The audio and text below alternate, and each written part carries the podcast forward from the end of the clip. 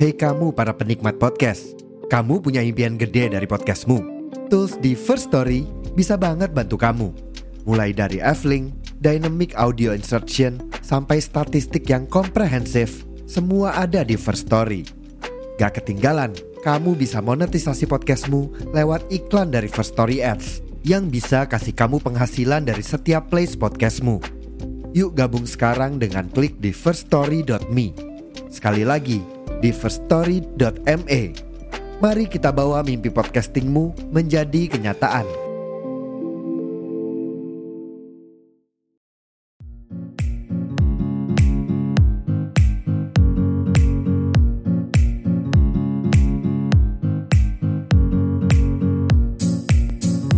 Selamat datang di Dengerin Sebentar Podcast Dengerin sebentar, nanti juga paham Pokoknya Sepi banget nih.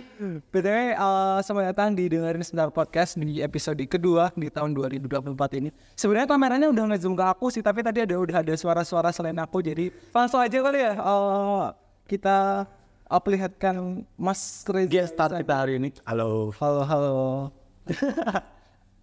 Oke mas, mungkin Mas Rizal bisa kenalan dulu ke teman-teman di ST. Aku perkenalkan diri. Oke, halo, nama aku Reza Rusandi. Salam kenal. Oke, jadi Mas Rizal saat ini apa ya mas kayak seorang sosok ada sosok ada. Jadi penulis juga model juga apa ya talent arts juga itu teman-teman. Betul, jadi kalau misalnya teman-teman uh, udah pernah nonton series di OTT, bioskop ataupun yang lagi, aku kemarin udah nonton sih uh, muncul jadi seorang polisi di serial pertaruhan masuk dan sana. Mungkin teman-teman kalau misalnya aktif nonton series atau film Indonesia udah ngelasin sama Mas Reza Rusandi ya, terutama di iklan billboard billboard itu pasti ada mukanya Mas Reza. Benar. Kita senang banget DSP di episode billboard Oh kemarin aku di suara Prambanan. Ah, oke, oke. Ada itu. Oh, iya, iya, iya. iya. Iya, iya, iya, iya, iya. Ya. Gak, aku ngeras cek risetnya bener gak nih? Gitu. Iya, iya, iya. Aduh, memang banget. itu juga ada loh. Oh, iya, iya, iya.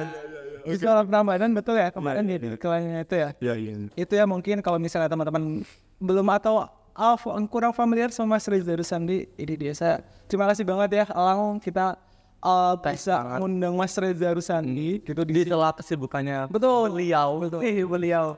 bisa Sebenarnya diselain apa diselain datang ke sini. Sebenarnya tuh uh, DSP udah janjian dari 2022 ya Mas Yasar. Tapi kita baru sekarang, aduh saya makasih banget akhirnya mau. Saya pikir nggak jadi sih. Satu tahun tiga bulan kemarin kameranya. Satu tahun tiga bulan. aduh, itu ya uh, untuk uh, Mas Reza. Nah tadi udah disinggung ya sama dia uh, Mas Reza adalah penulis buku gitu. Bukunya udah tertera di sini bukunya. Mungkin kita ngomongin bukunya dulu. kalau Boleh. Reza. Kita uh, kita ngomong Aku taking comfortable position boleh? boleh, boleh, boleh, boleh, boleh, boleh. Yang enaknya gimana? Gitu. Kita ngomongin bukunya Mas Reza Rusandi dulu. Ada berapa yang udah ditulis apa aja kayak gitu. Aku punya enam buku. Eh, buku terakhir ini yang paling depan. Judulnya Lamen. Eh, aku launching November tahun kemarin. Jadi belum belum tiga bulan. Baru baru anaknya empat Tiga bulan. tiga bulan ya. Jalan tiga bulan ini. Iya. Jalan tiga bulan ini berarti Mas. Kalau buku yang paling banyak dibaca atau paling laris, kayak tulis sejati itu ya yang jadi akun Instagramnya. Iya, jadi uh, Telusur Sejati itu kayak sebuah akun di sosial media, but firstly aku make it di Instagram. Dan dari situ aku gaining some readers lah ya, atau followers itu. Dan habis itu aku nerbitin buku dan mereka jadi pembaca buku, buku-buku aku gitu. Tapi ini aku bawa cuma nih lima, aku harusnya punya enam. Cuma lima. Iya, Itu sudah banyak. Lima tuh sih. saya ada enam karena Oh, ini ada. karena yang satu stoknya habis. di tempat aku stoknya habis. Gitu. Oke mas, mungkin ngomong-ngomong tadi soal telusur sejati ya. Ya. Itu dulu bisa sudah diceritain ke teman-teman di SDM mungkin eh, awalnya mas tuh bisa bikin account itu tuh karena apa? Apakah? Hmm. Terus experience itu apa itu loh mas? Iya iya. Jadi gini, eh, aku tuh emang suka nulis sejak I think kelas 2 SD gitu. Eh, nulis macam-macam, mulai dari puisi, mulai dari lirik gitu. I always write since I was a kid dan kemudian ketika aku ini singkat cerita ya, ketika aku kuliah mau mau lulus kuliah itu tuh aku masih terus nulis di berbagai platform, blog, even Facebook gitu. Terus at one point aku itu nulis di WordPress.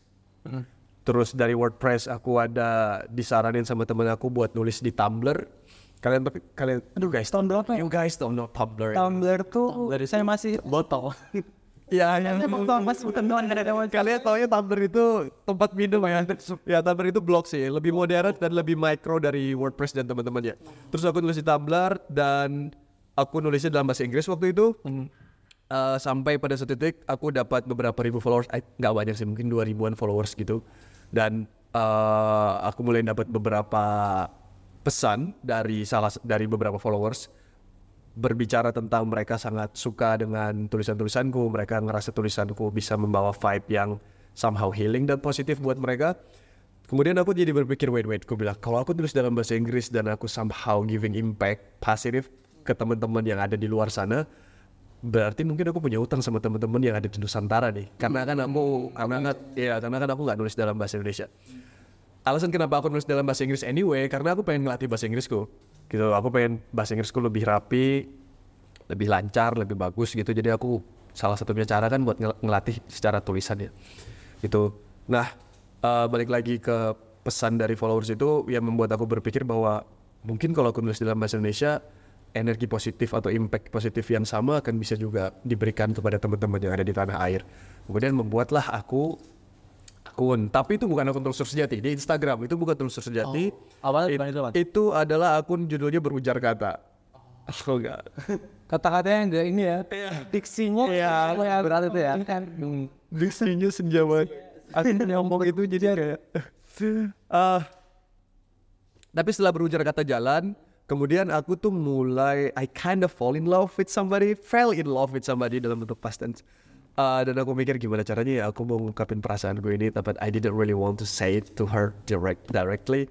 Terus um, akhirnya aku pikir ah aku akan nulis di akun Instagram aja lah. Baru aku bikin satu akun namanya Telusur Sejati. Nah, aku ru- rutin nulis di Telusur Sejati, berujar kata udah aku tinggalkan gitu. Sampai sekarang Telusur Sejati itu berdiri 23 Januari 2016. Wah, pas banget tuh tanggalnya saya. Are you serious? Serius. Serius. Serius. Musuhnya. Eh, bentar lagi. Tapi ini menarik sih. Uh, tadi kan Mas Reza bikin telur sejati itu ya. Ya. Itu udah tahu kalau itu yang nulis Mas Reza sendiri atau belum? Biasanya kan ada ya, penulis buku kan oh, nama apa namanya? Nama Nama pena? nama penyanyi dulu. Di situ baru ketahuan uh, Iya, weh. sebagian orang belum tahu awal-awal kan. Sebagian orang belum tahu awal sampai pada I don't know mungkin tahun pertama tuh aku udah mulai nunjukin muka. Oh, I remember. Dua 23 Januari 2016, satu tahun kemudian 2017 di awal tahun itu Instagram bisa live 2000 17 live streaming. Nah kalau kalian ingat, nah aku tuh pakai eh feature live itu dan akhirnya mereka jadi tahu. Waktu itu followersnya masih sedikit banget, maybe less than 2000 kayak seribu sekian gitu, gitu. Ya ya ya ya ya. Oke oke. Jangankan sorry, jangankan jangankan aku sebagai sosok di balik telusur sejati. Mereka bahkan nggak tahu gimana caranya pronounce telusur sejati. Mereka akan datang kayak, ya ampun kak, aku pikir nama akunnya telur sejati. telusur awan Jadi jadi telur jati. telusur sejati. Gitu sih. Oke. Oh ya mas. Tapi ngomong-ngomong soal sosok nih. Oke. Nah, apa eh, harapan di di aspek ini kan apa ya di 2024 ini kan kita pengen ada sosok yang jadi panutan gitu kan ya di DSP itu. Nah, kalau dari Mas Reza sendiri sebelum apa ya Mas Reza tuh terjun di dunia nulis atau dunia hiburan entertain gitu, sosok panutan Mas Reza tuh siapa sih Mas? Yang mungkin Dalam hal apa nih itu ada? Dalam Dalam dalam apa pun sih mungkin. mungkin buku mungkin hmm. kita masih bahas-bahas soal buku kan Iya iya iya. Uh, I, I think salah satu penulis yang influence aku banget untuk menjadi lebih rajin nulis karena aku nggak pernah pengen jadi penulis. Uh, menjadi penulis adalah sesuatu yang somehow aku stumble upon secara nggak sengaja. Cuman yang bikin aku semakin rajin nulis itu adalah J.K. Rowling penulis Harry Potter. Wah, di- oh sih top. Iya kan? Iya, aku suka banget itu. Itu bikin aku semakin suka sama novel tebal. ya kan semakin suka sama novel tebel semakin suka baca buku-buku tebel dan semakin rajin buat nulis walaupun waktu itu masih sama sekali nggak ada kepikiran bakal jadi penulis Jadi kayak hobi aja gitu ya Buku Pure terakhir tebel tuh Masker Pelangi sih yang aku baca. Oh. Lama banget berarti ya. ya udah lama banget Dan bahas 2000 berapa tuh berarti? 2000 berapa? Dan 2000 Tapi waktu baca Sevel sama SMS kan? saya sama Sales. Tapi mas, yang, yang selama kamu jadi penulis itu mas, apa kayak eh, yang bikin inspirasi kamu apa yang kayak inspirasi Mas Reza buat nulis buku? Ah, ini Mas Reza kan udah ada enam buku lah. Iya. Ada enam buku, enam buku. Nah inspirasinya tuh eh saat menulis tuh dari apakah dari cerita kehidupan Mas Reza atau apa mungkin Mas Reza bisa spill dikit nih Mas dari mungkin salah satu bukunya atau apa gitu. Dari mana aja sih, men? Jadi kayak buku pertama aku, buku yang aku seng- nggak sengaja publish secara indie yang somehow jadi secara official menjadikan aku penulis lah ya. Itu dari cerita cinta, cerita friendzone. Terus buku kedua aku, buku tentang untuk karena yang ini itu juga orang yang berbeda tapi still friendzone. Terus yang ketiga buku Inward. Buku Inwardku itu adalah buku berisikan tentang renungan dan kehidupan. Jadi kayak eh, aku pengen provoking sesuatu sih di sini. Jadi itu adalah renungan kehidupan yang aku lakukan dalam diskusi-diskusiku bersama teman khayalanku namanya Jos. Jadi kalau teman-teman yang punya buku Inward kalian pasti udah kenal Jos. Terus buku keempat dan buku kelima ini volume 1 dan volume 2 ini judulnya keantaraan atau in between. Ini isinya literally mengamati diri kita sebagai manusia yang selalu berada di keantaraan antara keantaraan yang di keantaraan ada gelap ada terang ada hitam ada putih ada bahagia ada sedih gitu. Nah kan kita selalu berenang di antara itu ya. Nah itu apa pun yang muncul perasaan atau pikiran apa pun yang muncul pada saat kita berada di keantaran itu aku amatin dan aku tulis. Gitu. Gitu sih. Terus buku kelima sorry. Eh buku kelima ini buku keenam lamen yang, Yang terakhir. Yang baru yang terakhir ya? yang paling terakhir. Itu isinya meratap. Meratap. ya pokoknya isinya Meratap. Full Meratap meratap kehidupan hari gitu. ya Oh, kenapa Rame, meratap? meratap karena aku berpikir eh, sekarang ini kan buku-buku terkait self healing rame banget ya. Oh iya. rame banget. Terus aku ngerasa ada gap antara orang yang mau healing dengan eh, diri mereka sendiri apa gap itu? Gap itu adalah they don't really understand their wound. Mereka nggak benar-benar memahami luka atau kesedihan mereka itu apa. Jadi kayak aku akan nulis ini aku nggak yakin bakal rame. Karena sekarang yang lagi hits banget adalah buku self healing sementara ini adalah isinya meratap meratap meratap. Gue bilang ah bodo amat lah nggak apa-apa buku ini gelap banget. Tapi tetap ada orang-orang yang akan kehook sama buku ini akan mendapatkan manfaat dari buku ini ya udah aku nulis gitu. Gitu sih. Jadi meratap tapi bukan semata-mata kayak bersedih menggalau doang. Tapi sebenarnya buku ini niat utamanya adalah men-trigger seseorang untuk memahami oh ini yang aku rasakan. Gitu secara akar. Gitu itu sih. Karena antara luka dan healing gapnya adalah memahami luka itu sendiri. Ya ngomongin uh, buku juga di Mas Reza Dusan ini. Tadi kan uh, aku di awal udah uh, sedikit uh, spill ya kalau Mas Reza Dusan ini adalah aktor juga. Iya. Dan dia ada series terakhir aku kemarin di pertaruhan ya. Iya. Jadi polisi aku lihat terus habis itu aku ngikutin apa lagi ya akhirnya. Oh dunia? Dunia tanpa suara. dunia atas suara dunia Dunia tanpa suara. Nah selain tulis buku juga, uh, Mas Reza kan jadi aktor juga, Iya. model juga nih. ya kayak gitu kan itu sebenarnya ketiga itu saling saling berke ini ya bos ya berkesinambung berkesinambungan. Berkesinambungan. Iya Iya. lah eh, kalau jadi ketika nul, eh, nulis sama jadi model itu duluan yang mana dulu? Atau dua-duanya eh, Of course nulis ya, tapi nulis sebagai hobi. Kan aku tadi bilang aku nulis sejak kelas 2 SD, iya kan. Tapi apakah profesi menulis sama profesi model? Duluan yang mana? Profesi model? Profesi Model dulu ya, secara profesi ya, gitu. Profesi modelnya berarti Mas Reza itu dari kapan tuh? Aku itu pertama kali ikut kursus model itu waktu SMA. Tapi waktu itu masih di Banjarmasin ya kan, cuma ikut lomba-lomba gitulah, eh, karena industrinya nggak sebesar di Jogja ya kan. akhirnya aku kuliah pindah ke Jogja I didn't think about being a model tapi ya namanya jalan Tuhan tetap dipertemukan ke arah sana akhirnya terjun lagi ke dunia model gitu. Ini menarik juga ya karena Elang juga kan adalah model juga ya? Iya. Elang nih sebenarnya di sini saya jadi hostnya si mereka kedua narasumbernya tahu-tahu coba saya udah banget. By fellow model. Iya kan maksudnya eh, apa misalnya juga makasih banget buat Elang Eh, maksudnya jadi model juga mau di DSP juga nih gitu kan. Ini sebenarnya sekarang aku yang mau nanya mereka berdua nih ya. Boleh. Karena balik eh, balik lagi ke topik ya di episode kedua ini kan kan di episode sebelumnya yang sama Mas Galang tadi kita ngomongin tentang menata fit gitu kan menata kehidupan yang tentang. Nah sedangkan mereka adalah model. Dengan model itu kita harus bisa menjadi siapa aja di depan kamera. Iya sih. Ya jadi siapa aja maksudnya eh, tuntutannya kamu harusnya yang sedih mukanya kamu harus senang bla bla bla kayak gitu kan Eh, sebagai model kalian berdua.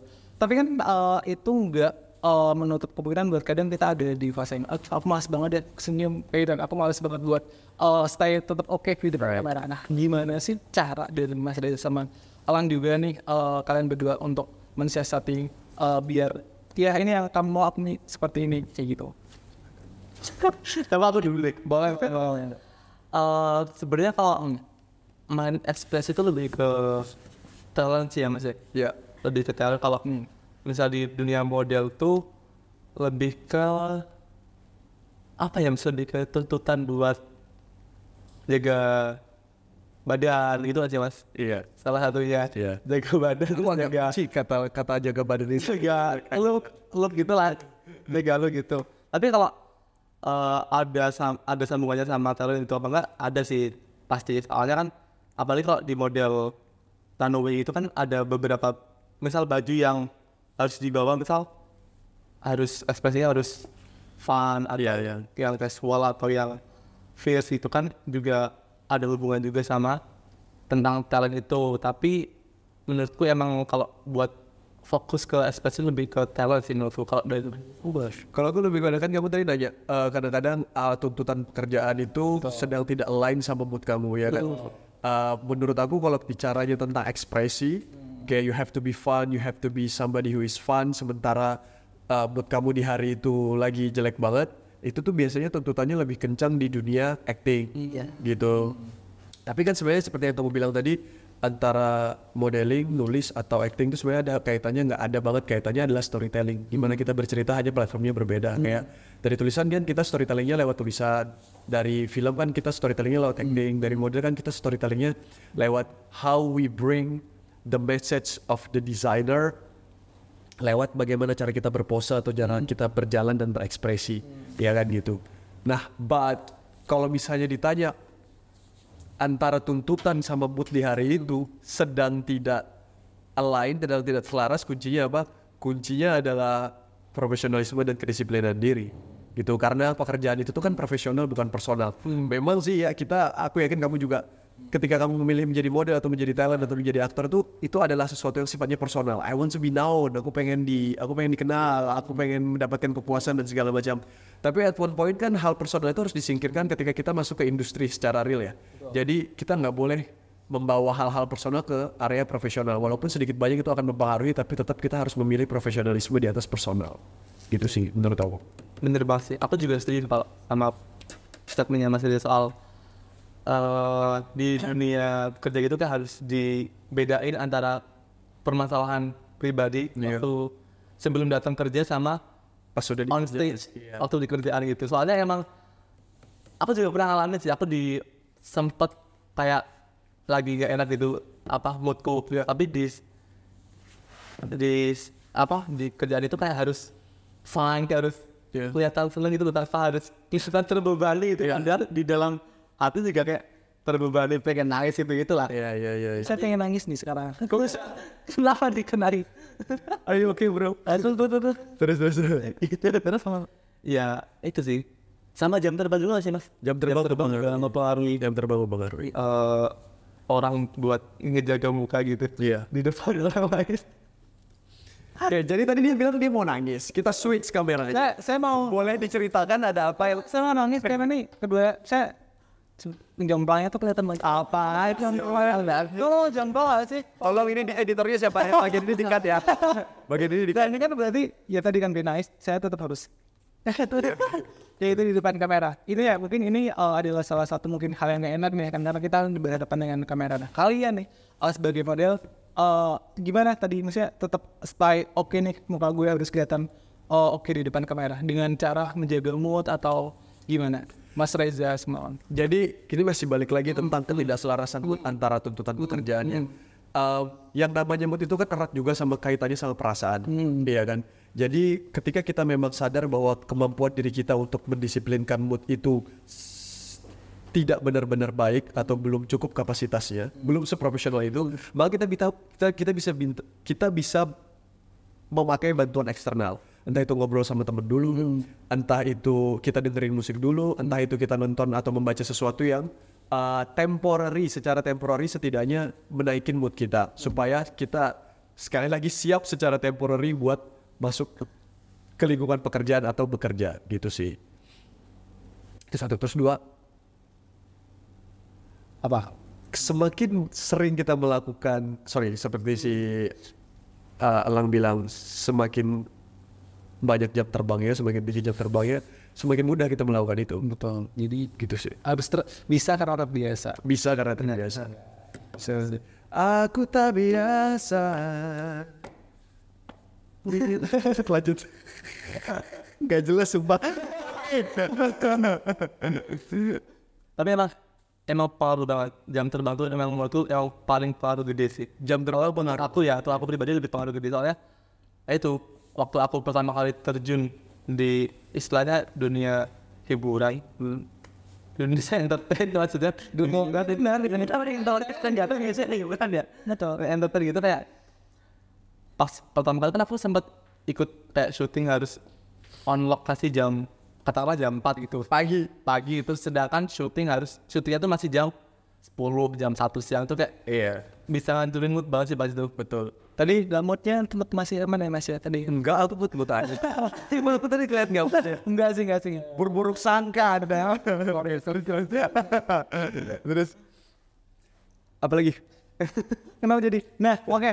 Eh, balik lagi mengenai tentang eh, modal ya, Ya. menjadi model. Aku pengen di sini itu lebih ke ini sih Mas Pulung topik tentang menjadi model yang tanpa tuntutan. Kita bisa menjadi panutan tapi eh, tanpa tuntutan gitu. loh. Kan kalau jadi panutan kadang ya lu kan jadi panutan orang lain lu harus A B C D F G kayak gitu. Ya. Sedangkan kita maksudnya audiens DSP juga mungkin ada orang-orang yang eh, audiensnya adalah ya orang biasa tapi dia pengen tetap suaranya seenggaknya didengerin sebentar nih kayak gitu didengerin sebentar tapi eh, tanpa ya tuntutan itu tadi ya gue jadi diri gue sendiri tanpa harus oh kalau bisa jadi ini harus A B C D kayak gitu jadi being a model without rules be, being a role model without rules gitu. Jadi aku akan bilang gini, eh, aku nggak tahu apakah ini counter intuitif sama yang kamu tanyakan.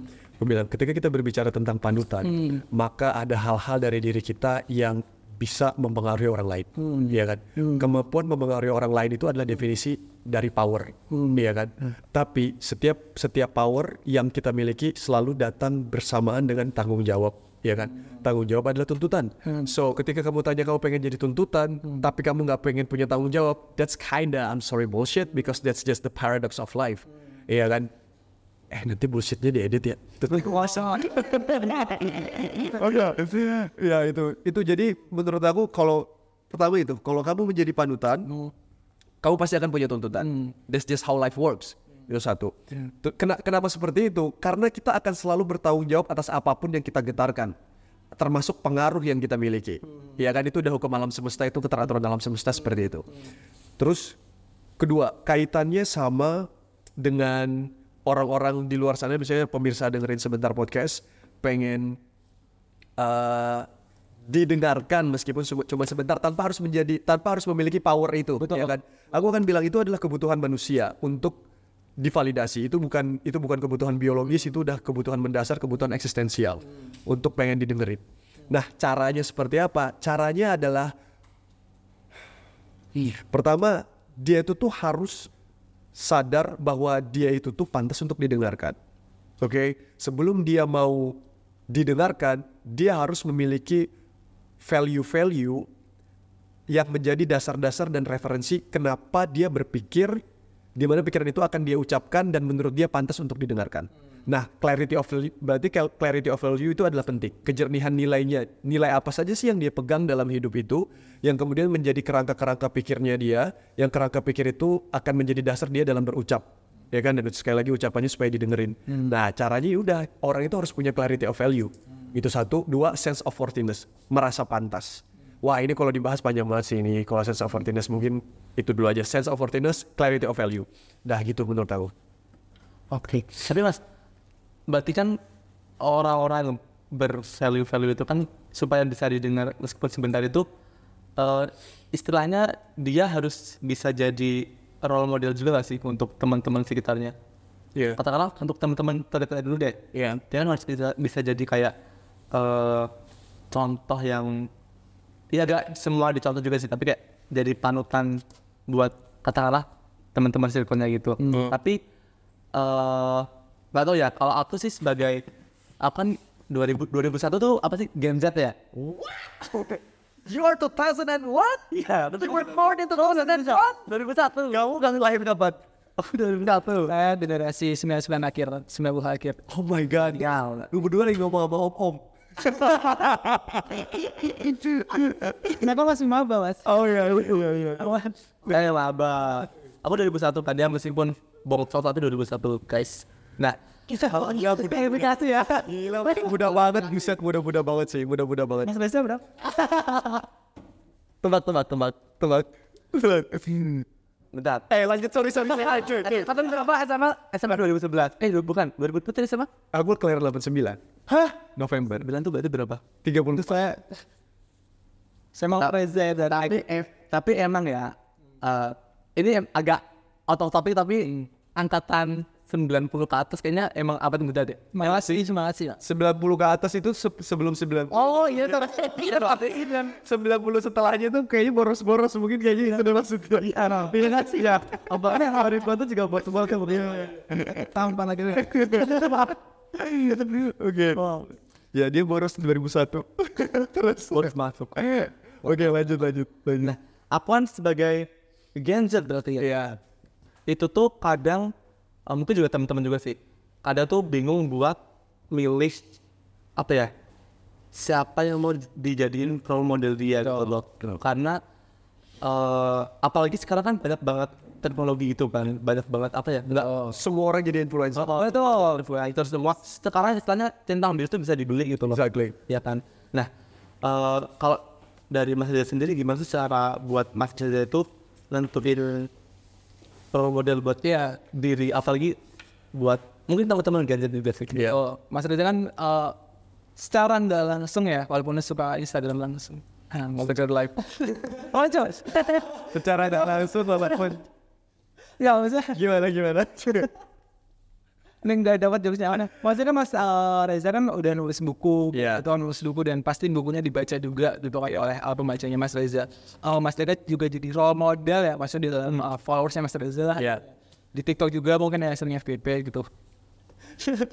itu tapi pas Reza sendiri punya gak sih kayak role model sendiri juga kayak gue tuh eh, panutannya ini nih kayak gitu atau diri gue sendiri gue bisa gue bisa eh, apa namanya nggak perlu jadi orang nggak perlu lihat orang lain tapi gue bisa jadi hal itu Iya, aku akan bilang kalau misalnya dulu dengan arogan dan idealisnya aku berpikir kayak I don't really have, I don't really need role model gitu. Aku nggak benar-benar perlu role model. Tapi setelah kalau kita membaca alam raya, seseorang itu tuh bayi aja itu tuh tumbuh kepribadiannya, sifat-sifatnya. Well gini, memang se- seorang bayi itu membawa gen-gen, membawa gen-gen yang akan eh, termanifestasi secara nyata sebagai karakter dan kepribadian dia secara fisik maupun secara kepribadian. Ya kan? Cuman kan dalam penelitian udah ditunjukin bahwa gen-gen itu tuh hanyalah gen-gen itu tuh punya banyak banget potensi, right? Punya banyak potensi dan potensi gen yang mana yang akan termanifestasi secara fisik dan secara kepribadian itu tuh kan dipengaruhi oleh lingkungan. Oke, pajanan gitu. Jadi adalah arogan banget kalau misalnya dulu aku berpikir aku nggak butuh role model karena bagaimanapun aku sendiri dari kecil aja itu eh, sudah tumbuh karena pengaruh lingkungan yang berarti mau tidak mau secara tidak langsung itu juga adalah role model ya kan? Kita kan setiap dari bayi tempat lingkungan kita tumbuh kembang kan itu adalah role model buat kita. Oh. Iya kan? Keluarga ya keluarga dan lain sebagainya. Eh, teman-teman SD gitu-gitu. Terus jadi itu yang pertama sih. Aku aku tetap punya role model. Terus yang kedua role modelku siapa? Wah aku punya beberapa sih men. Kayak sebutin sebutin enggak? Sebutin mau kayak Om Reza Uh, aku suka uh, orang-orang yang suka aku suka orang-orang yang membaca alam raya. Kayak aku suka Caroline Miss aku suka Eckhart Tolle aku suka Jalaluddin Rumi. Terus aku suka gurunya Jalaluddin Rumi Syamuf Tabriz aku suka Profesor Quraish, Profesor Dr. Quraish Shihab aku suka Gus Baha. Aku suka banyak banget sih. Gus Baha tadi. Gus Baha dia Gus Baha. Banyak banget sih. Terus Um, ak- pokoknya intinya adalah aku suka orang-orang yang mengamati kehidupan. Gitu sih. Dan kemudian punya karya. Agak asing ya tadi nama-namanya ya Mas ya. Dan sudah lihat ya Gen Z ya apalagi saya. Di kamera aja. Ya. Siapa? Awal lagi tadi dia. Kita tahu siapa ini yang sudah. Oh, nggak tahu. Tapi anak-anak sosial aku juga nggak tahu sih itu Me- mereka-mereka itu nggak terlalu banyak. Kayak Caroline Miss gitu nggak nggak Oh, iya. tahu. Eh Cartoon. Ya, tapi kalau dari sekarang kan Mas Reza jadi orang media juga nih. Istilahnya buat cewek-cewek gitu ya. Cewek-cewek. Oh, maksudnya kan udah lebih beda ya maksudnya perkembangannya kan dulu sama sekarang udah beda banget ya. ya. Nah terus film terbaik menurut Mas Riza tuh apa?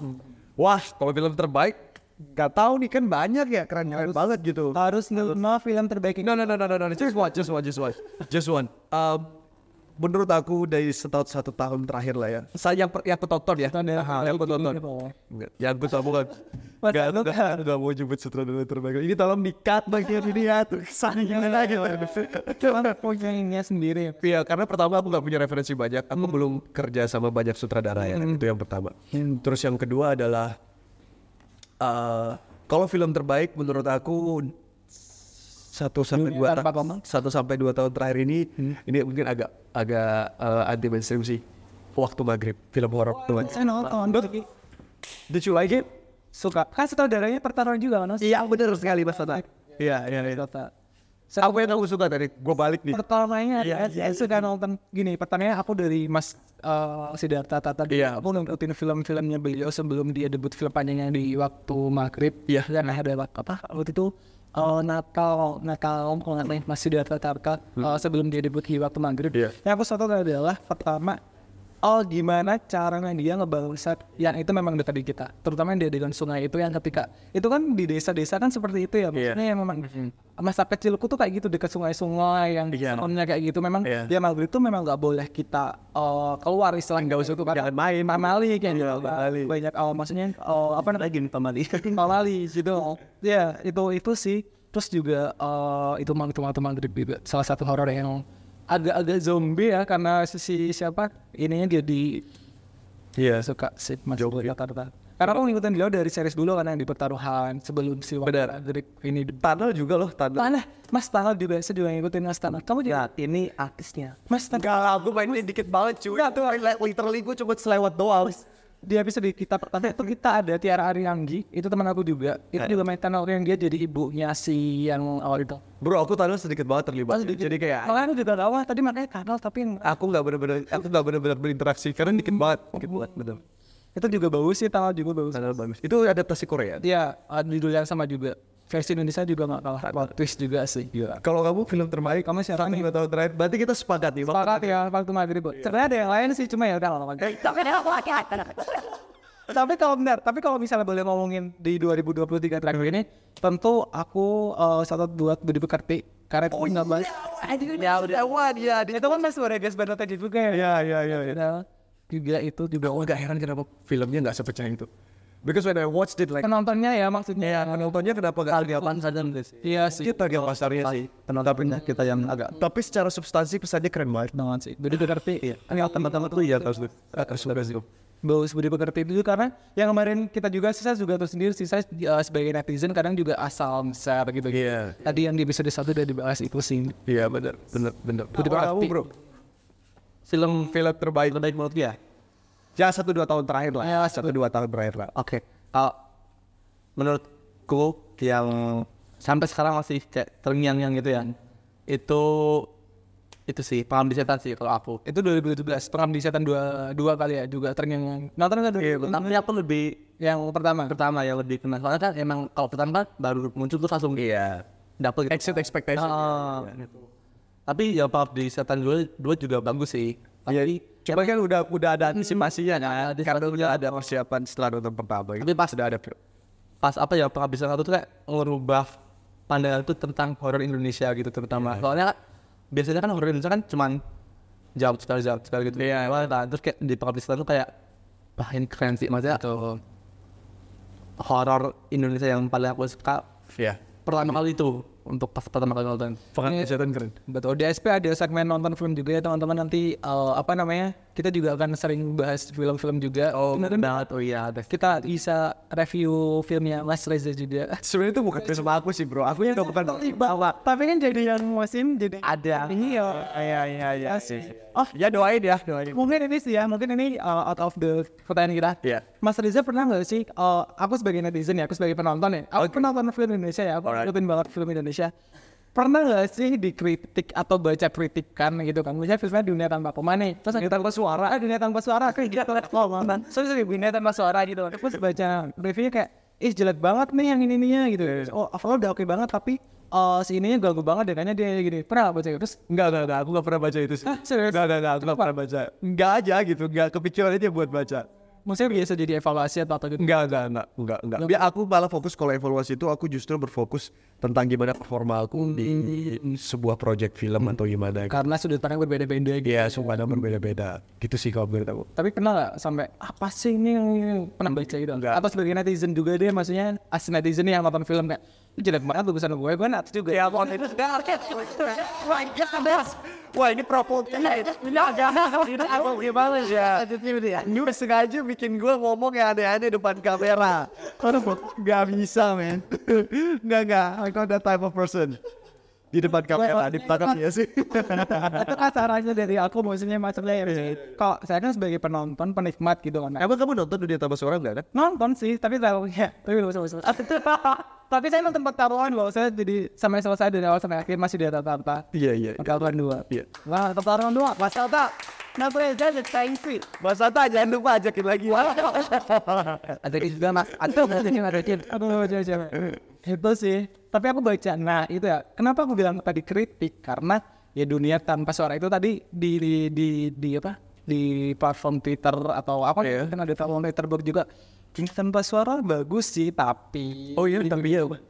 ya tapi nanti bisa dibaca di Data sendiri atau enggak Aku nggak baca. karena itu kan filmnya Mas Hanung yang mungkin drama ya, Mas, Ya. eh, di OTT gitu ya, ya. ini. Gitu. Aku pak, aku tahu itu yang film sama Mas Hanung itu yang mau seni mau apa judulnya yang sama Reva itu ya. Adaptasi dari buku kan ya. Iya iya. Kita project terbaru Mas Iya. Zaini tadi. Iya iya. Bukunya Mas Betut. Iya Mas betul. Perihal cinta atau semu eh, perihal cinta kita. Aku nggak tahu judul, judul buku, tapi judul judul sorry judul filmnya itu adalah cinta tak pernah terbatas. Nah, cinta tak benar tahun itu. Iya. Itu kok judul bukunya itu kan? Iya, cinta tak.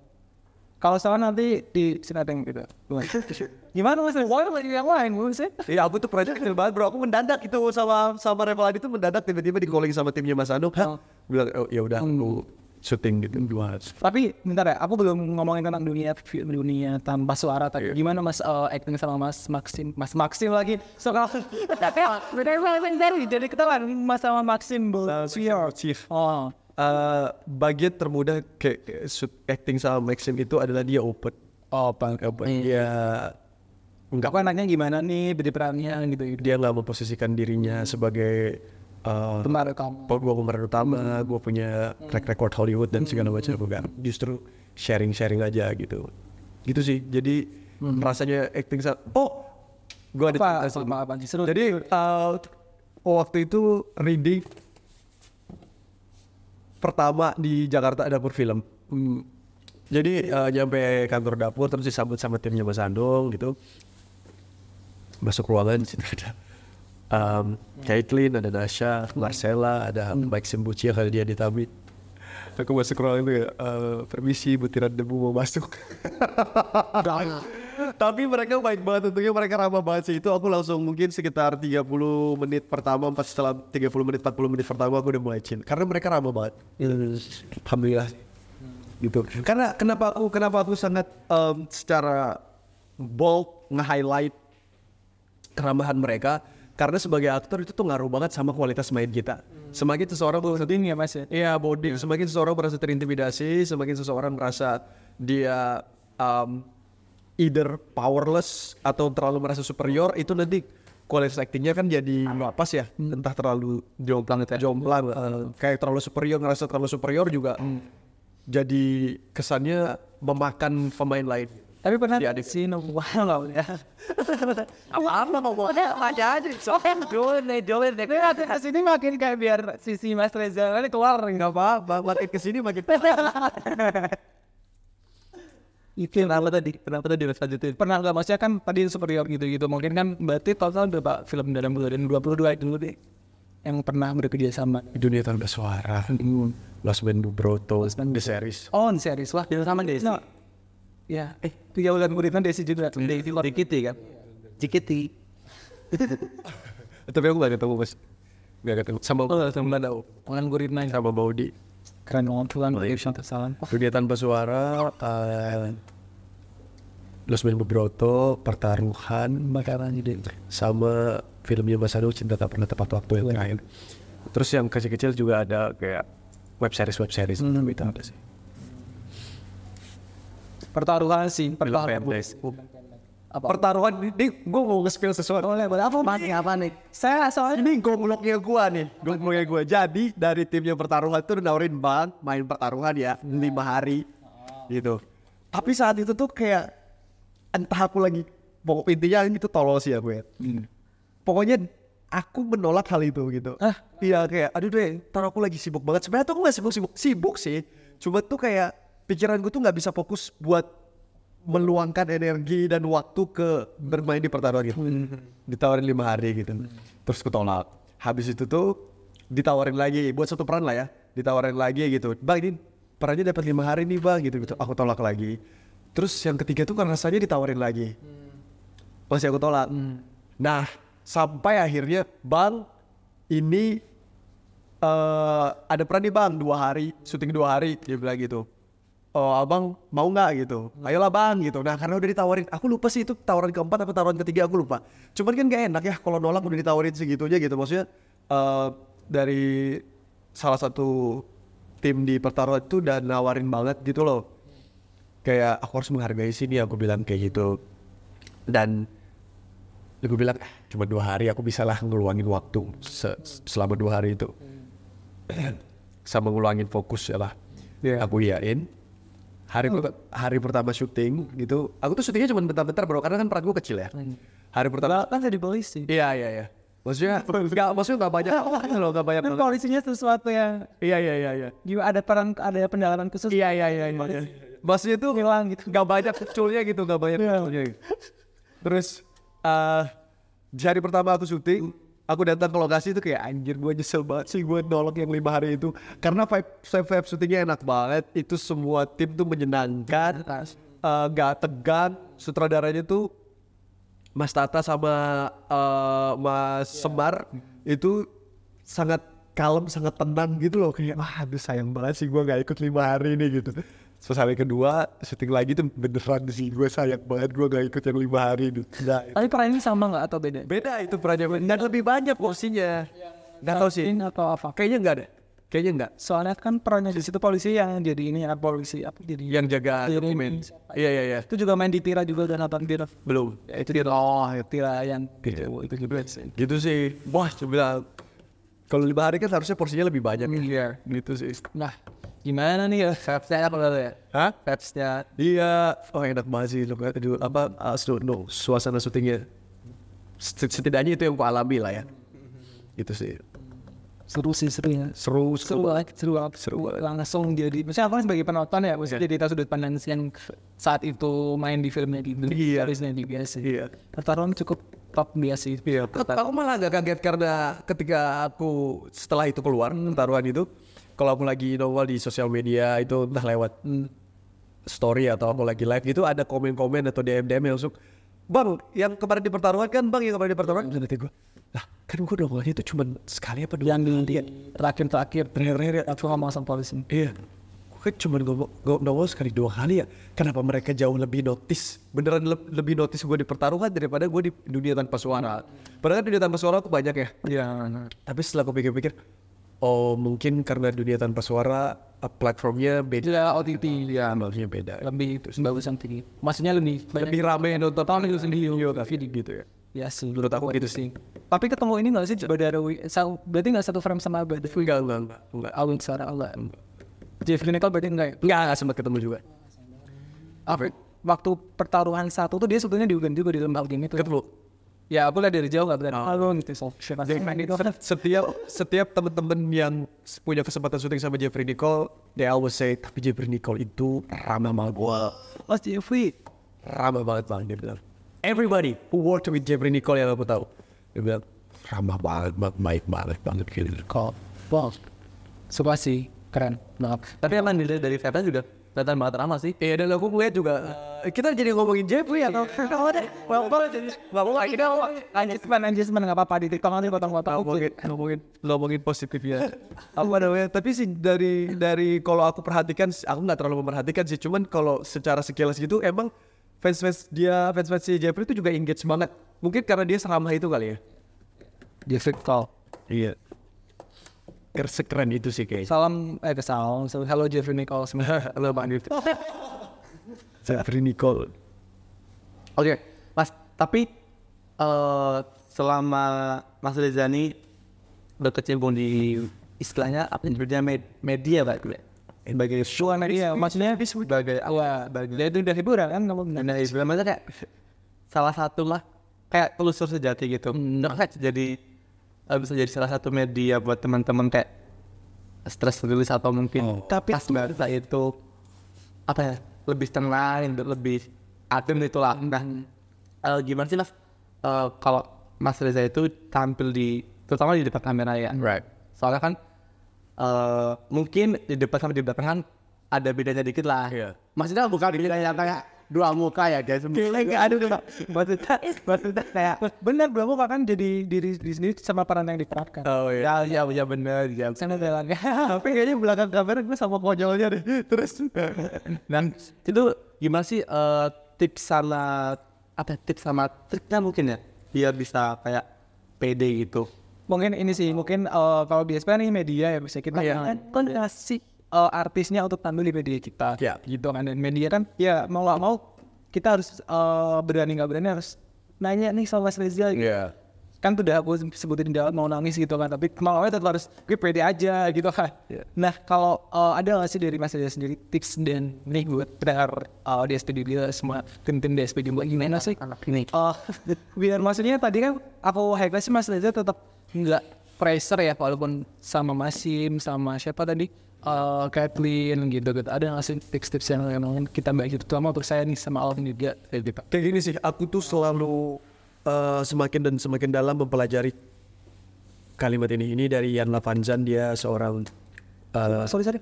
Ian Lavanzan. Ian Lavanzan dia um, gampangnya spiritual thinker, motivator lah gitu.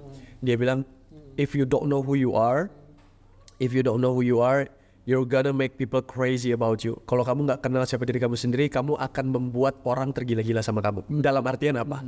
Dalam artian gini, let's say, uh, aku nih, kalau aku nggak benar-benar mengenal siapa diri aku, aku akan memikirkan apa pun yang mungkin dipikirkan oleh orang lain tentang aku, ya kan? Seakan-akan orang itu tergila-gila sama aku sampai terus-terus mikirin aku, wah si Reza, si Reza ternyata jelek banget ya, si Reza ternyata A ya, si Reza ternyata B, ya, si Reza ternyata C ya. Itu tuh kan secara tidak langsung itu tuh adalah sebuah em, perilaku, sebuah mindset di mana kayaknya gue tuh sesignifikan itu sampai jadi bahan pemikiran orang itu terus. Padahal nggak, people don't think about you, people don't care, you know. Ya, gitu. Nah, itu sih menurut aku semakin kita mengenal diri kita, semakin kita tahu value-value diri kita, tidak pada cara yang arogan pastinya.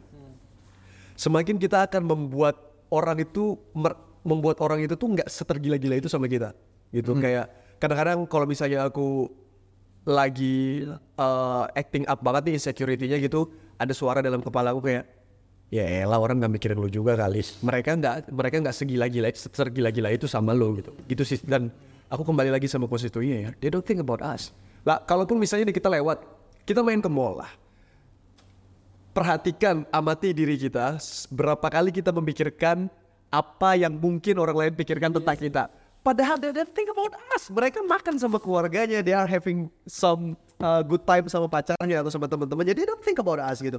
Mau lu pakai apa aja they don't think about us gitu sih. Jadi poinnya adalah know who you are. Harus tahu pahami diri kita. Betul betul betul. ya kenali diri kita. Sejatinya. Iya iya. Padahal juga pernah kayak aku tuh waktu itu ke aku nonton ke mana lupa kan aku. Iya. Kayak cuman pakai piyama, gue tidur gitu kan. kayak cuman mau beli apa? gitu doang terus kayak tiba-tiba kayak aku ngerasa kayak diliatin orang-orang gitu loh Iya. nggak tahu mungkin baju pesawat atau Iya. kayak mau setelah mau tidur lah terus aku jadi overthinking gitu loh Iya. makanya kayak wah Ya, mereka mungkin kayak, oh nih orang pakai piyama that's it. Kayak nggak ya udah baru pakai bebas selalu. Iya, nggak akan mereka nggak akan Betul. mereka nggak akan memikirkan kita seberat itu hidup mereka udah berat cuy. Dan kalaupun mereka memikirkan, ih kenapa nih orang pakai piyama? Udah selewat itu doang, terus pengaruhnya buat kita apa? Iya kan? Gitu tipsnya sih. Jadi know who you are, Tahu siapa lu gitu ya. tahu siapa kita dan um, berbicara tentang tahu mengenal diri kita itu sesuatu yang sangat dalam kapan-kapan lah. Semoga gue diundang lagi podcast di sini. Amin. Semoga ya. Amin. minggu depan Tahu siapa saya, saya Abdul, Mas Reza Elang. Bye bye. Oh, nah, saya jauh saya nggak dapat ya udah. Maaf ya, berarti ini yang agak lah ini adalah kurang panjang Kita mungkin kurang bonding aja nanti nggak. Nggak bonding ya. Oh, Mungkin karena kita nggak satu playgroup dulu ya. oh iya. Jadi ikatan emosinya nggak terbangun dari kecil. Playgroup baik. Soalnya waktu kamu playgroup aku ngasuh anak. Kan jauh usianya. Gak dapet males. Iya. Intinya saya lebih muda dari Mas. Iya iya that's the point. Saya lebih muda Iya iya. Om Reza. Oke lanjut. Kenapa gue jadi moderator? Oke, lanjut. Nah, kalau buat harapan buat industri film, Mas. Semoga Jadi, semoga Semoga jadi apa? apa? Enggak enggak enggak itu nggak bisa. Semoga jadi Enggak lah. Reza Reza. Ini harapan untuk industri film ini harapan aku ya. Ya. Semoga industrinya semakin berkembang di Jogja biar talent-talent Jogja lebih kepake. Amin. Amin. Gak, know how, do you know why? Karena aku ngerasa di Jogja tuh aku gak berbicara tentang diriku ya. Hmm. Aku berbicara tentang teman-teman senior, teman-teman senior yang aku kagumi gitu. Itu talent-talent Jogja tuh masya Allah sih actingnya. Mereka keren-keren banget. Actingnya keren-keren banget. Eh, salah satu yang kita baru kehilangan ada Pak Sui. Ya, dia baru meninggal. Eh, itu idolaku bro. Like he's so good, he's really really good. Seniman sejati sih. Nah, aku harap dengan berkembangnya industri perfilman di Jogja dalam skala nasional pastinya, uh, talent-talent Jogja tuh lebih punya platform dan lebih dikenal. Walaupun sebenarnya aku memperhatikan talent-talent Jogja terutama yang para senior-senior, mereka fokus berkarya dan berkarya mereka nggak benar-benar memikirkan ketenaran. Cuman menurut aku mereka uh, pantes lah dapetin hadiah ketenaran itu. Tilik sih ya. Oh, Tiling is good. Ya. Oh. hmm, Udah nonton Ceresnya belum? Belum, aku belum nonton. Terus ini udah mau ini loh, udah layar lebarnya udah mau tayang loh. Tapi itu kayaknya beda universe gitu nggak sih? Kayak sutradaranya juga beda. Oh, aku kurang tahu. Oh, iya. Soalnya kalau lihat aku kan ngikutin Tiling juga. Iya. Saya beda itu. Bukan Mas Wah. Film pendeknya juga asik ya. Itu beda Itu sih yang pecah kan pas panjang. netizen ya pas ini.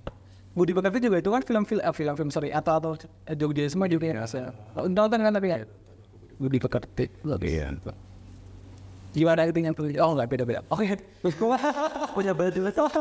Eh kan kita pernah satu pro, pro, satu project sama Prilly. Apa? Waktu iklan Mastercard Oh ya itu 2019. selama banget itu masih 4 tahun yang lalu. Wah. Eh, sorry, lima tahun yang lalu. 5 tahun yang lalu. Itu project di Kenal sih. hutan. Di hutan. Di hutan. Sama Raditya Dika ya? Abang Ran. Atau emang sebenarnya talent-talent Jogja yang aku lihat juga apalagi senior-senior gitu. Iya, senior-senior. Potensi banget sih. Karena mereka pendidikannya teater kali ya. Iya. Teaternya juga gila kayak FT itu keren banget sih. Mereka keren-keren banget. Aku harus banyak belajar dari para para senior-senior Ini itu. film terakhirnya Mas Anung Trinil yang baru Iya, ini. iya, saya- Nonton nggak? Belum, belum. Oke. Nah di situ tuh ada ada Pak Sui gitu. Ada almarhum Pak Sui, almarhum Pak Sui itu kayak ya ampun Pak kayak enak banget dilihat. Iya, banget natural. banget. Dia waktu itu jadi eh karyawan atau mungkin buruh pabrik lah, pa- pabrik teh kalau nggak salah. Iya. Oh tembakau apa pabrik teh itu aku jadi agak lupa. Terus dia lagi beradegan ngobrol gitu berdialog sesuatu sama karyawan lainnya sambil eh, melakukan sesuatu sama daun-daun yang ada di situ karena itu kayaknya lagi di gudang gitu scene-nya gitu. Kayak gila ya Pak Sui kayak gitu aja tuh udah kelihatan natural banget kayak kelihatan banget dia udah mengerjakan hal itu tuh udah belasan puluhan tahun gitu kayak menjiwai banget sih Sedih banget. iya Sekecil apa pun. iya kayak senatural itu sih Keren banget. Almarhum. Apalagi juga pas aku sempat ketemu sama almarhum juga kan ya casting itu tuh juga beliau humble banget Beliau humble banget Humble banget. Lucu gak sih? Iya, kocak humble banget waktu casting. Padahal kan juga sempat ketemu waktu casting di Mas Johan. Iya. Nah terus kayak nyapa gitu sama meskipun Iya. orang baru tuh tetap di sini. Ah, Aku merinding cuy, sumpah sih Masya Allah. keren. Senior-senior. biasa apa sih Nanti nonton bro. ya nonton nonton oke mungkin terakhir kali ya Oke. Andar ini mungkin out, out of the script yang aku sebutin siap dan my challenge ya What? What kind of challenge here? Oke. Biasanya nih tadi kan di episode sebelumnya selalu bilang harapannya apa bla bla bla kayak gitu kan Right. untuk pendengar gitu gitu Right. kalau aku pengen challenge dia coba Mas Reza aku pengen kasih situasi tapi bener aja ya maksudnya aku kasih situasi terus habis itu nanti eh, Mas Reza gimana mendalami karakter tersebut What? Oke. Oke. tapi apa aku gak pikiran apa ada ada Anjir ini mah lucu-lucu Jadinya nih aku not in the mood of acting. apa nih situasi situasi yang yang susah-susah dong susah kan polisi ya? Oke gini aja. Kan kemarin peran terakhir di pertarungan jadi polisi. Ya jadi polisi. Kok males ya? gini semua males gue nggak bukan beda. Polisi kan eh, ibaratnya galak bla bla bla. Kayak gitu. Mas Reza jadi orang yang ditilang. Posisinya dari rumah udah capek banget. Udah capek banget buru-buru. Terus habis itu dilalah. Kamu dilalah ya Gila tuh. Sumpah jadi kayak kelas acting tiba-tiba. tiba-tiba tiba-tiba di tengah jalan udah capek buru-buru tiba-tiba ada eh wih gitu mana si Mo kayak gitu kan itu pasti udah capek udah buru-buru ke sesuatu gitu. Siapa jadi polisi? saya jadi polisi lalu Alright. Saya jadi kamu jadi polisi aja Saya jadi kameramen. nah kamu jadi polisi aja kan jadi kamera. kamu jadi polisinya ada aja sih aku netizen yang eh, apa jadi kameramen sih Oh jadi kamera. oh ya Kan ceritanya di film kan. Iya, kamu jadi polisi aja. Jadi polisinya. Ayo, gas, gas. Coba lagi kan. Aku, aku jadi polisinya nih. Berhenti berhenti. Mas, eh ini tadi lampu merah kenapa udah melewati lampu merah itu? Gimana nih ini lagi rame-rame nih? Mana sih ini cepet cepet?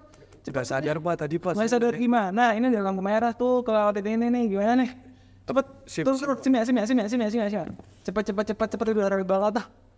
Ini rame banget nih. Ini ini ini cepet dong cepet dong mana nih? Kan dipinggirin cepet-cepet aja tuh gimana sih lu jadi polisi? Oh iya, barusan gas. Masa ingat bilang di tengah jalan? Bubar, bubar, bubar. Oke oke oke oke.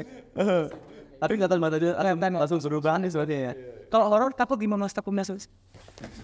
Gue jadi sempur. Sorry jadi kerjain ya. Gak.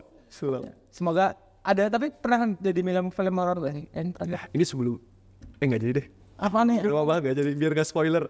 Oh, tapi ada oh project terbaru aja di semua Mas. Amin, doain aja. Bukan maksudnya project terbaru di 2004 ada sama Revari itu tadi ya. Tadi 2023 kan itu terakhir. Cuman mungkin aku nggak tahu lo, eh, rilisnya kapan itu. Hmm, semoga ada peran pengen enggak terakhir. Ada pengen main di film horor. Jadi apa? Jadi, jadi apanya mas? Yang jadi nakut nakut atau aku jadi yang ditakut tuh?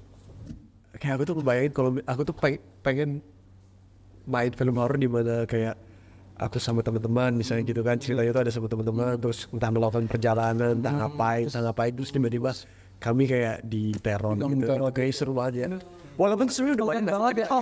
Iya. Komplek banget. Iya template banget walaupun itu sebenarnya udah template banget tapi kayak ya rata-rata kayak gitu Hantunya apa? Ini apa? Pocong, kuntilanak atau genderuwo atau apa? hantunya ini eh, host podcast yang nggak sempat nikah tapi keburu mati Siapa tuh? Siapa tuh? Iya. Siapa? Wingcat ya. Jangan dong, jangan. Cocok banget gue ya.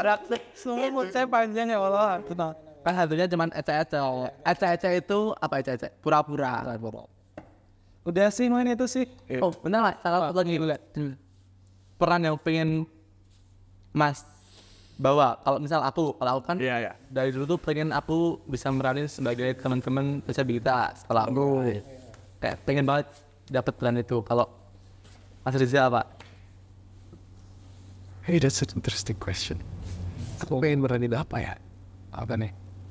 Pak Ustadz yang pengen banget tapi kayak Iya. belum Intinya oh, Film action kayaknya. Wow, tuh action. Kayak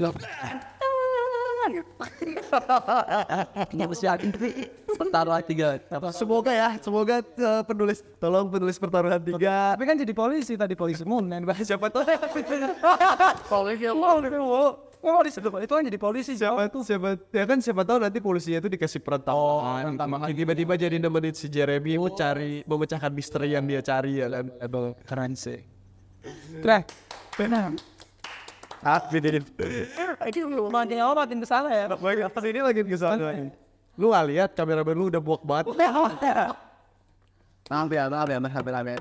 Oke, Oke. oh, tapi sebelumnya aku mau sama Mas Angga, Kak Angga, ya Kak Angga itu. Mau say thank you banget sama Mas Reza udah nyempetin waktunya dia di Mas Reza, Reza, Sani. Hmm, saya sudah tuntas menun eh, janji ya. Iya, dan cari Janji jadi satu. saya takut di apaan nih PHP semesta ya masih gini-gini produksi yang lain gitu. enggak lah bro enggak salah Tahun berapa ya? satu tahun Satu tahun. September 2022 Ini FIBL TV. Makasih ya Mas. thank you banget brother sama-sama Semoga nanti di peran di, diaminkan deh. Amin. dapat proyek. Aku nanti ketemu Mas Angga. Amin. Peran juga. Waduh. Ini sih menangnya nanti pulos mas ke depan ada. Kita jadi ininya aja jadi yang ngeliput filmnya gitu. Oh Mas Reza BTS BTS ini. Mas Reza Reza. Reza. lah kan kalian podcastin bintang-bintang ya Dan? Oh, Jeffrey Nicole tadi kita udah puji-puji ya. Tadi, Itu ke sini ya. Di tadi udah kita puji-puji siapa tuh? sama Mas Reza. Mas Reza aja. Nih, jadi Mas Reza jadi host deh. ketua aja belum dengan segmen Oke, itu sih. eh, makasih ya Mas Reza. Aku juga mau kasih untuk eh, tempat kita ini. Ya. Akhir mention. Very well, visual again. Wah banget, enak banget kan ya. iya Adem. Adem. Enak. Ya, makasih. Nanti kita podcast di sini lagi. Makasih. Jangan lupa juga tadi udah di mention di awal eh, podcast kita sebenarnya ada nonton film juga. Kita bahas eh, film-film, bahas artisnya juga nih di balik layarnya seperti apa. enggak ada book clubnya nih biar bahas buku Oh, gue juga aduh. Oh ya, Maaf, kita pegang kita pegang kita. Oh iya, iya, iya, iya, iya, iya. Soalnya kamu. kok enggak enggak enggak enggak siapa tahu kalian punya segmen baca buku gitu kan jadi kan itu buku gua bisa dibahas Tapi ada nanti juga paham nanti kita review buku dari Mas Reza. Pegang pegang. Pengennya teman-teman. Kenapa? Ada ada in between terus ada itu ada eh lamen lamen terus ini ada in Ini ada apa? ya? On film itu buku dua Dua ini ada buku harian. nggak apa-apa ya Allah. Aku nggak minta promosi kita bahas ya tadi tapi buku udah awal Iya. semua udah kedapat ya model film juga. Oke. Kan terus ini terakhir ada ini ya. Kawan akan gue. Kan saya cerita jadi eh, apa namanya salah. Coba coba nah coba promosiin buku gua coba Ya, promosi coba coba lah. coba promosi coba. Guys jangan lupa beli buku eh, apa namanya dari Mas Reza Rusandi kan? Keren banget. Coba di, jadi jadi taran live TikTok. aduh saya nggak main TikTok lagi. Oh gini gini gini. Coba coba baca baca salah satu tulisan dari buku lamen ini sebenarnya ini sebenarnya buat kita langsung aja deh So, oke aku bacain satu kalimat yang mungkin boleh ini ya mas ya. oh baca ini aja terakhir kali Oh ya, yang tulisan tulisan Belanda biar waduh Tuhan lagi udahan. iya iya Aku baca ini salah satu tipunya mas. Tuhan di roasting di depannya sendiri ya. Oke. Harian pecinta Malik. oke Sulap. ayo bacain belakangnya Aku bacain ya nih. Tuh. Dan bacain ya tadi. Ah, di sini ada salah satu bebasnya. Tuhan tahu seberapa, aku merindukanmu karena Tuhan tahu hal yang lebih besar dari matahari dan lebih dalam dari hati. oh Satu lagi lupa, semoga ada bukunya diadaptasi jadi film. oh iya iya namanya kalau kita Yes, nanti yang jadi pada amin amin amin Oke, mungkin itu ya dari oh, ada mau siapa lagi buat Mas Reza Rusang nih. Pumbang ketemu lagi nih gitu. Thank you banget lagi. Dan semoga kita ketemu lagi di next Bada project. Nah, Oke. Eh, itu dulu mungkin dari episode kedua episode 2024 ini baru Mas Reza Rusandi. Semoga teman-teman tadi dapat semua apa yang disampaikan ya. Tadi semua dari awal Banyak industri banget. film kayak gimana? Industri film terus industri model. Oh, Apalagi tadi?